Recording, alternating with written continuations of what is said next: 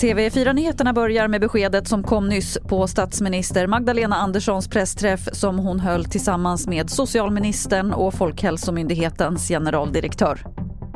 Så sammantaget, det förbättrade kunskapsläget, läget inom vården i förhållande till smittspridningen och den kraftigt stigande vaccinationstäckningen innebär ett nytt läge och gör att vi kan öppna upp samhället. Inte minst för alla vaccinerade. Beskedet idag är därför att restriktionerna slopas från den 9 februari och samtidigt så uppmanar vi alla arbetsgivare som har personal som arbetar hemma att planera för en successiv återgång till arbetsplatsen. Ja, det beskedet gav alltså statsministern alldeles nyss. Och mer om den här pressträffen finns på tv4.se.